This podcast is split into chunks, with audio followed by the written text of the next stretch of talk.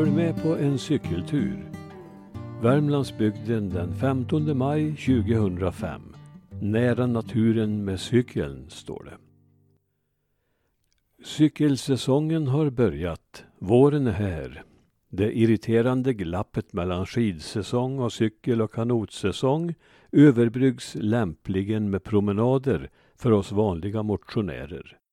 Men nu är alltså cykeln framme och har så varit en tid.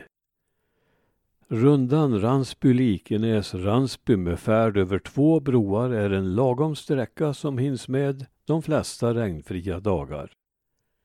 Höjdskillnaderna är lagom stora för att man ska få upp flåset utan att bryta ihop.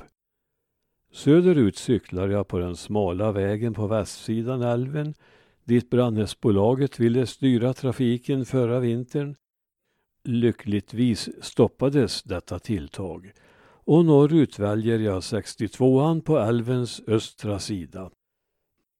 Min cykeltur går genom en betagande natur och mest hela tiden längs Klarälven som ju är ovanligt vacker den här tiden på året. När häggarna nere vid älvstränderna blommar ser man dem i dubbla upplagor och det är nära att man upplever doften likadant. Jag cyklade förbi vårens första vitsippor på sträckan den 24 april och bara några dagar innan såg jag tussilagon. Man kommer nära naturen på cykelrundan och mycket hinner man att se och dessutom uppleva med lukt och hörselsinnena. Jag har lärt mig var de första sipporna står och var konvaljerna blommar. Jag har sett många lämningar efter bävrarna på Östänga. Jag har hört småfåglarna sjunga och jag har sett svanor och tranor från min cykelsadel. Jag har följt ormbunkens utveckling från ringlade topp till helt utslagen. Förra våren såg jag till och med en polisbil. Eller var det för två år sedan? Cyklandet har sina risker. Vägarna är smala och man ska samsas om utrymmet med stora timmerbilar och bussar. Visst blir man lite avundsjuk på alla som bor längre ner i Klarälvdalen med tillgång till fina cykelbanor. Helt oväntade faror kan också dyka upp.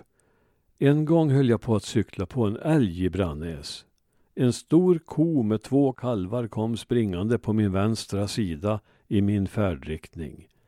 Åtminstone kon höll något högre fart än jag och 30 meter framför mig sprang hon helt oväntat över vägen. Eller rättare sagt försökte springa över vägen.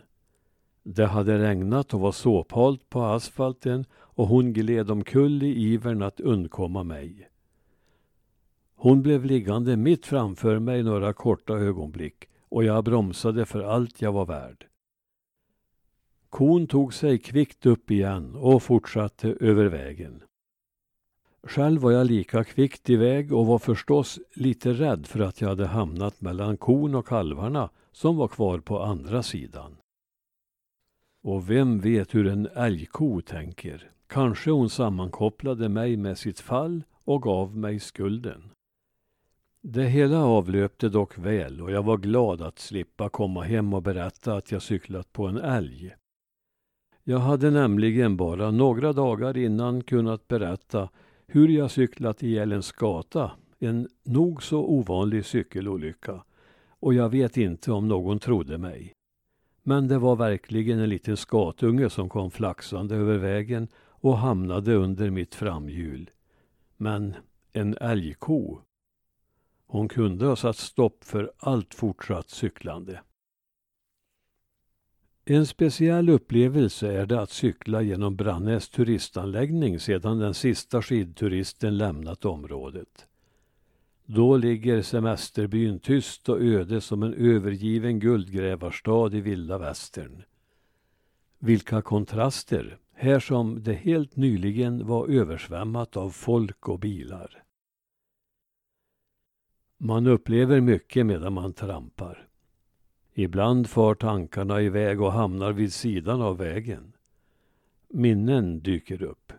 Vid Blästkärringbäcken som jag korsar söder om Brannäs utforskade jag och två kamrater en gammal plats för järnframställning i den mest spännande pojkåldern.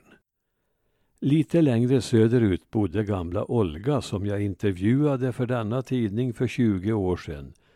Och i en grannstuga bodde Alf som var mest inhyses men som jag såg någon gång då och då när jag gick eller joggade förbi. Han blev upphovet till en liten dikt.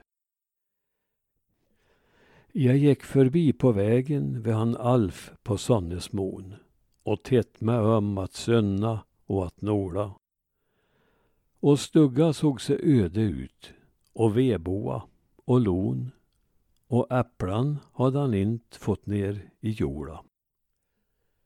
Potatisland var urört fastän sommaren snart hade gått.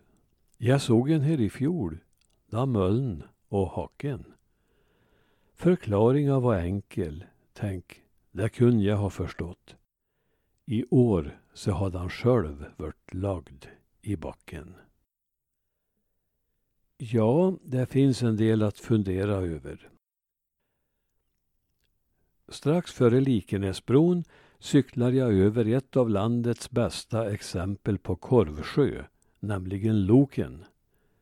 Här har älven haft sin fåra för hundratals, kanske tusentals år sedan. Men naturkrafterna ville annat och älven skar sig en ny bana och lät loken bli liggande kvar. Som ett skolexempel. Ett vackert sådant. I Likenäs åker jag över bron och vänder norrut på östsidan älven. Mycket strategiskt placerad ligger här en verkstad där det går att få cykeln justerad och lagad om något skulle inträffa. Här plockar Christer Axelsson fram skruvmejsel och övriga instrument och ställer in växlarna med en järnkirurgs precision. Sedan kan man lugnt trampa vidare med växlarna i perfekt läge. På östra sidan är trafiken betydligt tätare och det finns de som avråder helt från cykelturer på den smala vägen. Några kilometer norrut kommer jag till Uggenäs och där slipper jag för en stund bekymren med trafiken. Där svänger jag in på en rest av den gamla landsvägen invid bergkanten och där trampar jag in i en annan värld. Denna underbara kilometer finns kvar från min barndom. Så här cyklade man på 50-talet. Där går en gammal sleten landsväg under bergsia. Han ler mig fram, men också baket, 40 år i tia. Han går igenom bortglömda år i ljusgrön sammerhage och minne om en vinglig cykeltur i småpojksdaga. En gammal sliten landsväg med en liten sträng med gräs går rakt igenom Åra och igenom Uggenäs. Med en renad själ och nya krafter efter denna tur till barndomslandet trampar jag lätt vidare norrut. I samband med inläsningen kan jag säga att nu 2020 så finns fortfarande den här lilla vägsnutten kvar i Uggenäs. Mycket inbjudande till cykelåkning.